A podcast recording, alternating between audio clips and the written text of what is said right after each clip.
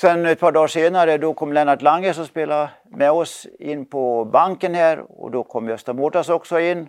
Och då frågade Lennart Gösta, ja Gösta har du bestämt dig, får vi vinna imorgon eller inte? Så, så på den bogen var det.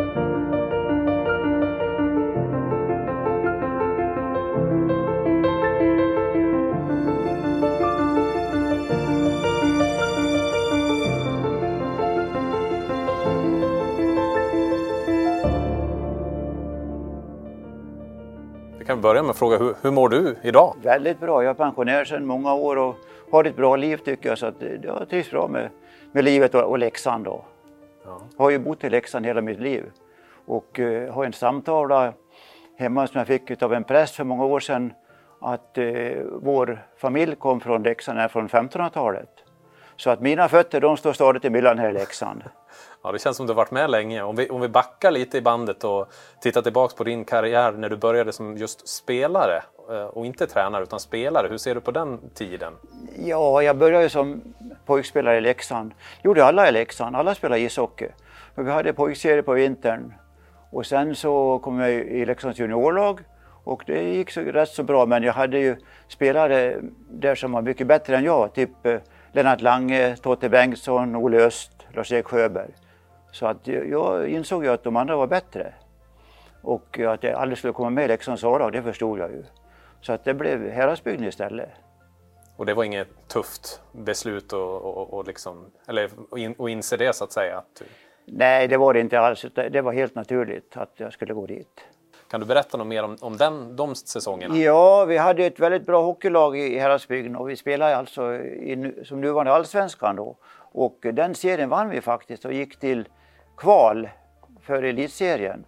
Och eh, första matchen spelade vi uppe i Umeå och det spelade vi 3-3. Och det var inte så kul den matchen för att eh, en av våra spelare petade kull domaren, slog ner domaren och eh, polisen kom in på isen med, med hala skor och ramlade kull så att det, det var ju kaos alltså där. Men det vart inga avstängningar utan vi fick fortsätta. Och sen spelade vi i Leksand och då började Leksand vara kalla fötter. För det gick inte att ha två elitserier i Leksand, det var ju, det var ju omöjligt. Så att eh, vi fick, eh, vi spelade mot Hammarby tror jag och eh, efter första perioden då kommer tränaren in, Sotan Lysén och säger att grabbar ni måste lugna ner vi kan inte vinna idag. Då får vi inte träna i Leksands ishall längre, måste vi tillbaka till Häradsbyn och Kattrinken. Nej, vi ska vinna sa vi, vi ska vinna. Ja, ja, gör som ni vill sa han. Och så nästa period då var det fortfarande jämnt va, höll på att vinna. Då kommer ordförande Seppo Wiklund in och säger att jag förstår på att ni vill vinna men det går inte sa han. Jag pratade med Gösta Mårta så alltså, vi, ni måste lägga ner er sa han. Och sen, eh, ja, jag vet inte hur det gick i den matchen men Sen ett par dagar senare då kom Lennart Lange som spelade med oss in på banken här och då kom Gösta Mårtas också in. Och då frågade Lennart Gösta, ja Gösta har du bestämt dig, får vi vinna imorgon eller inte? Så, så på den bogen var det, men vi, vi vann inte utan vi fick, vi fick ge oss. Vi kom inte upp i elitserien, det var, det var ju klart det var riktigt också. Ja, ja. Men det var ju ja, en fantastisk historia. Men hur var det då att ha den, alltså, vad ska man säga, konkurrensen ändå, fast det, att, att veta att man inte kan ha två lag i Ja men det var ju omöjligt. Vi hade, ett, vi hade så pass bra lag så att vi var i den klassen. Vi hade ju eh, Pukka Finn och vi hade Vilgot Larsson spelade en hel del och Olle Jakobsson i mål. Och det, var, det var ett bra lag som vi hade som många spelare var av elitserieklass egentligen. Mm. Och sen, eh, ja, men sen avslutade du spelarkarriären och blev tränare och vi pratade lite innan här och då var det, det var i Falun du började då? Ja, jag gick ju från Häradsbygden till Falun då och blev stängd till 15 januari den säsongen eftersom klubbarna inte kom överens. Men eh, då satte jag igång och tränade Faluns juniorlag istället. Då hade vi också bra spelare, det var Anders Kaller och, och eh, Lars Djuse med flera. Va? Och eh, redan efter ett år där så tyckte Leksand skulle komma hem hit istället och hjälpa till med A-laget och det tyckte jag var helt fantastiskt att komma hit och hålla på med, med A-laget. Det var ju det bästa man visste alltså på den tiden. Och du kommer hit i, i rätt tid också så att säga. Det var gulderan där 73, 74, 75 där. Var, var, hur var den tiden? Den måste ju ha varit fantastisk. Och... Ja, jag kom hit när Rune Mases var tränare och han lärde mig mycket hockey ett par år framåt då. Och eh, sen hade vi eh, Vilgot Larsson som var juniortränare, han var ju otroligt duktig på att lära pojkarna att spela ishockey.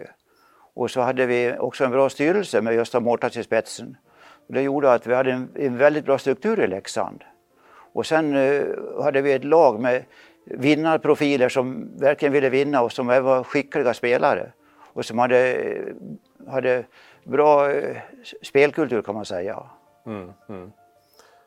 Vad bidrog du själv med där då, skulle du säga specifikt? Ja, jag vet inte, inte mycket.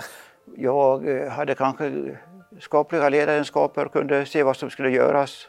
Så det gick bra. Jag kom ju från, från eh, Falun då och hade ingen eh, stor karriär bakom mig som spelare heller men jag blev ju absolut direkt eh, accepterad av spelarna och, det var eh, viktigt för mig naturligtvis. Och vi hade ett väldigt bra samarbete de eh, sju år som jag var i Leksand som tränare och ledare då.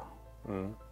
Fick, du, fick du lite, vad ska man säga, blodad tand på att vara ledare och tränare då när du kom in där i Leksand också? Att du kände att det här kan jag nog fortsätta med? Eller hur? Ja, det tyckte jag. Tyckte det var kul att vara med men jag hade ingen, ingen eh, plan med någon karriär inte utan jag tyckte det var kul att vara med här och, och hjälpa eh, laget. Va?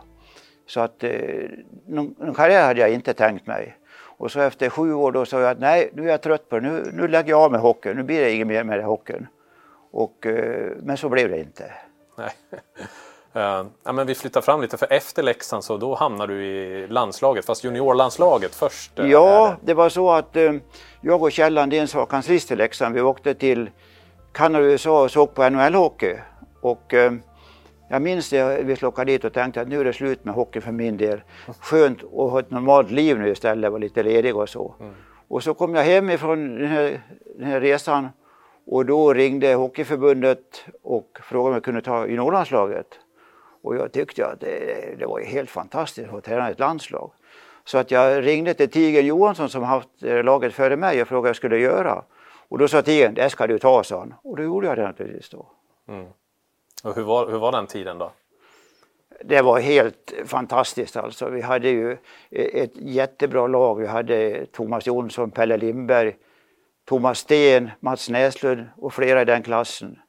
Så att vi, vi var eh, nästan bäst i världen på den tiden. Och vi matchade mot uh, Sovjets lag med, med deras uh, fantastiska femma. Och vi slog dem ibland också. Mm. Och efter juniorlandslaget så vart det ju riktiga, riktiga landslaget där då säger jag. Hur, hur... Ja, det var ju så att jag skulle sluta med hockeyn och då tog jag juniorlandslaget och efter, efter ett år så kom eh, förbundet och sa att nu fisken ska du ta tre kronor. Nej, du är inte klok så det, det, det kommer jag aldrig gå med på. Så jag tackade nej naturligtvis då. Varför, varför gjorde du det då? För att... Därför att jag tyckte inte om att stå i, i rampljuset riktigt. Att älska att vara med spelarna och, och matcha och sånt men att stå i rampljuset Typ det här var, det, det avskydde jag. Mm. Men de var på mig flera gånger. Till slut så var jag tvungen att, att säga ja efter något år. Mm. Och du ångrar inte det då? Nej, det gör jag inte. Det, det var ju eh, tufft jobb på den tiden att vara förbundskapten för Tre Kronor. Det var ju mycket, mycket tuffare idag måste jag säga. För att det mm. var, då var det eh, Tre Kronor var centrum. Idag är det ju, är det ju som, som är i centrum istället. Mm. Och då är du där några år och 1981 tror jag, det blir väl ett litet speciellt år för det avslutas ju på bästa sätt, eller bästa sätt. Ni vinner silver i, var det hemma-VM där? Eller? Ja, vi hade en, en tuff säsong för att det var en sån ATG-satsning där spelarna var proffs och jag skulle åka runt och träna dem här i Sverige och det, det var inget bra upplägg men jag var tvungen att och, uh, gå med på det och, och uh, ja, ta skeden i vacker hand. Och det var ju tungt för spelarna blev ju, var ganska trötta utav det här programmet så de orkade inte riktigt. Och i Svästra fick vi också mycket stryk minns jag så att det var, det var hårda bud men eh, sen blev jag lite varm i kläderna och fram till VM så gick det mycket, mycket bättre. Och eh, det var ju en fantastisk turnering i, i Göteborg, då var man varm i kläderna. Mm. Och vi eh, blev tvåa som sagt var och gjorde många bra matcher och vi fick mycket kritik för att vi har tagit ut en målvakt som heter Pekka Lindmark. Han var ju, spelade ju i division 1. Så att eh, de sa, duger ingen eh, elitseriemålvakt? Nej, sa vi, det har en bättre målvakt. Och det var en våldsam kritik på det men Pekka gjorde bra ifrån sig och blev vald som VMs bästa målvakt och då tyckte vi att vi hade gjort rätt. Mm. Ja, var det lite revansch där också då, få ta ett silver efter lite knackigt? Ja, det kan man säga att det var. Men vi, vi, tänkte inte så, utan vi var glada att det, att det gick vägen och vi hade ett fantastiskt lag. Alltså det, det var, de gjorde vad som helst, här pojkarna. Ja. Så det, det var verkligen kul alltså. Jag har hört något om att du fick bada efteråt där också. Ja, det var ju så att eh, sista dagen, det var en, det var en dag när, när jag först så var jag mordhotad för det första då, fick lov att ha Säpo med i båset. Så att när signalen gick då fick jag lov att ställa mig bakom, låg för gardinerna i Skandinavien och så fick jag stå där för det var ju säkrast så. Men sen fick jag i alla fall gå ut på isen och på lagfot och, och grabbarna slängde mig i luften och så vidare och sen åkte vi ut till vårt hotell för att äta middag och fira lite och då förstod jag att de hade något fuffens för sig för att um, jag kände att det var någonting på gång och då tog de hand om mig där och förde mig ner mot den här eh, älven som går där, Nordre älv tror jag den heter och mm. så slängde de in mig i vattnet där. Och det var ju kallt, det var en 4-5 grader bara. Mm. Så att eh, man fick en liten chock. Och min, min assistent Biffe Nilsson han höll ju på att drunkna nästan där men, men eh, vi kom upp i alla fall. Ja, vi är glada för det i alla fall. Då. Ja. Du, du sa att du inte gillar att stå i rampljuset och så kom ju det där med lite hot och det var, du, det var ju kanske lite jobbigt. Hur, hur, var det då? Hur var den? Ja, alltså jag, jag har alltid gillat att vara med grabbarna och, och matcha dem och så där. Det, det tycker jag om. Men att stå i rampljuset med TV och allt det, det har jag alltid avskytt. Jag tycker att det, det är inte min, min sak riktigt. Mm. Men sen eh, slutade du i landslaget där som tränare då, då och det var på eget eh, bevåg eller vad? Ja, jag, jag fick ju kontraktsförslag igen men jag sa att nej det vill jag inte utan jag, jag nöjer mig med det här. Men sen eh, kom det efter ett par år igen som vi skulle, skulle ta det men det, det, gjorde jag inte heller utan det fick vara. Men istället så tog jag ett litet lugnt år och sen åkte jag till Schweiz istället och blev förbundskapten där. Det var ju mycket trevligare då, mm. mycket lättare. Ja, det blev ju några år där många som flyttat till Schweiz säger att det är ett trevligt land att bo och verka i. Hur var din tid där? Det var väldigt bra alltså. Vi hade familjen där och vi levde väldigt bra där nere. Och hockeyn, det var väl också lätt att ta itu med för att de hade potential där och då, då fick jag ganska bra genomslag på mitt jobb där nere så det var väldigt kul alltså. Mm. Men efter tre år då tyckte vi att eh, det räckte för eh, våra flickor skulle börja skolan i Sverige, olika stadier. Så att vi tyckte vi skulle åka hem istället. Men vi hade ett, vi var erbjudna att stanna kvar ytterligare tre år men, men eh, det fick räcka. Mm, mm. Och efter det då, då kommer du tillbaka till Leksand igen, en vända där. Vad, vad minns du från det då? Ja, när jag kom hem då var jag på förbundet igen sen men Leksand var jag bara hoppa in när det gick lite, lite tungt för laget. 1987 då, då låg vi sist i elitserien med djur så att då ville man skulle gå in och hjälpa till och det, det gjorde vi så att vi klarade oss klar, kvar den säsongen. Mm. Det, det, var väl det jag gjorde i Leksand. Jag fortsatte med landslagshockey sen i alla fall, var med Norrlandslag och även med Tre Kronor då, som assistent till Tommy Sandlin. Och då slapp man ju stå i rampljuset, det gjorde ju Tommy så det var ju perfekt för mig. Mm. Hur var det att komma tillbaka till Leksand där då när du sa att det gick lite tungt? För när du var där gången innan så gick det ju väldigt, väldigt bra. Då var det ju Leksand som var. Ja, det är klart att det, det var ju tufft naturligtvis men vi, vi var ju tvungna helt enkelt att, att hålla oss kvar. Jag minns vi skulle skriva kontrakt med Heinz Ehlers där vi jultiden vi låg sist. Jag och Mats Åhlberg och då sa så Ehlers att tänk om vi åker ur sån. Åker ur sa Åhlberg, inte på kartan. Utan det är klart vi ska vara kvar och han skrev på så att det gick vägen. Mm. Ja. Och sen för att lite eh, gå vidare ytterligare då i karriären så vart det ju Norge väldigt, eller väldigt många, men några säsonger där sen. Hur, hur kom det sig då? Jo, jag var ju här i Leksand en gång till och hoppade in också när vi hade åkt ur eh, elitserien och låg i allsvenskan efter jul och då var jag också tvungen att hjälpa till lite grann då. Och det lyckades vi också med, jag och Dan Labråten, och rädda laget tillbaka till elitserien. Och då minns jag att jag eh, slängde pipan och sa aldrig mer hockey, nu får det räcka med det här. Men eh, två veckor senare skrev jag på för Norge för att och, och ta deras landslag och tre år. Ja. Varför sa du aldrig mer? Var du trött där? på Ja, jag, jag, tyckte att det, det räckte helt enkelt. Det, det fick vara nog. Ja. Och hur var Norge där sen då? Jo, det var, det var bra i Norge också men om man jämför Norge och Schweiz så var nog Schweiz mycket trevligare och mer mottaglig för, för hockey. Och i Norge det var det inte så bra organiserat heller så att det, det var svårt där. Ja. Om du hade sagt nej till allt det vad hade du, vad hade du gjort då, då istället? Vad hade Jag du... har ingen aning. jag vet inte. Ingen aning? Nej. Och efter det, vad hände precis efter där då, efter att du hade slutat som coach? Och vad, hur var livet Nej, då? men alltså precis? jag hade ju, den hockey jag höll på med då, det var ju hockeyskolan i Furudal som jag drev. Det höll jag på med i, i 30 års tid. Och det allt det, det är parallellt med den här andra verksamheten då. Så det var ju mitt liv då- egentligen och det var ju fantastiskt roligt att, driva hockeyskolan här i Furudal. Jag tänkte komma in på det, för det är ju, vi ska inte underskatta, det är ju, måste ju vara en av Sveriges nästan mest kända hockeyskolor. Alltså. Hur, hur kommer det sig att den blev så stor om vi börjar i den änden? Ja, det, det började så att eh, Tre Kronor skulle ha träningsläger i Furudal, eller i, i Schweiz var det. Och då hade de ingen is i Davos så att vi måste lägga det i Sverige. Och då hörde Furul av sig, IFK Ore, Lasse Hedlund, och ville skulle komma dit. Och jag tyckte att det kan vi inte göra, men jag lovade att åka och titta i alla fall och det gjorde vi. Och eh, jag sa efter fem minuter, här ska vi lägga lägret. Och då så gick det väldigt bra med det lägret och då sa Lasse Hedlund att nu ska du starta hockeyskola nästa år. Och jag sa det, kommer inte att gå. Så, jo, vi försöker, sa han. Och första året hade vi 11 elever ifrån, eh, utifrån landet och 20 ifrån Furudal. Och då körde vi igång. Och sen, året därpå kom det 300 elever och sen byggde det på så till slut hade vi 1400 elever varje sommar. Mm. Och det är många kända spelare som har varit där och, och gått i den skolan och den har ju bra rykte så att den, den måste ju ha varit väldigt bra kvalitet på, på, på den. Liksom. Hur kan den ha blivit så liksom, bra? Jo, men vi, vi visste att Furudal, då hade vi hade ju inga turister där uppe. Och vi hade ingen, ingen hockeykultur och så vidare. Utan vi måste helt enkelt göra ett bättre jobb än alla andra om vi skulle få några elever. Så att vi, vi var ju väldigt noga på att göra allting rätt och riktigt. Och det visade sig vara rätt, eh, rätt sak att göra. Så att det, det gick väldigt bra. Det gjorde det. Mm. Är du stolt över det? Att du var med Ja, det är alla vi som jobbar och är stolta över verksamheten i Furudal för att vi började från noll och, och, och eh, blev kanske största hockeyskolan i hela Europa till slut. Då. Det är klart att det är vi väl stolta över.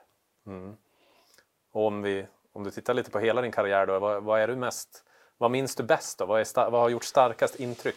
Ja, det är ju många saker. Det är ju dels hockeyskolan som sagt var och sen i Leksand, SM-tecknen, det var ju fantastiskt. Och sen även när vi lyckas komma tillbaka till elitserien 1991. Det var ju kolossalt skönt. Det var första gången Leksand åkte ur och vi var tvungna att komma tillbaka.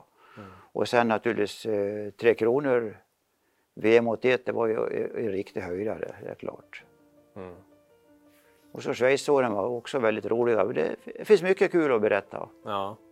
Vilka andra ledare då har, har påverkat dig, haft störst påverkan på dig genom åren skulle du säga? Ja, det är framförallt Rune Mases då, som tog hit mig och trodde på mig från början. Det, det var ju väldigt viktigt. Det. Och eh, då hade vi en fantastisk trojka här egentligen. Vi hade Vilgot Larsson som, som sagt var med Jollandslaget så hade vi Rune Mases som var den som hade visionerna. Och så hade vi Perra Karlström som var en väldigt duktig coach. Så vi hade fantastiska ledare som lärde mig mycket här i Leksand. Början på min karriär. Mm. Ja.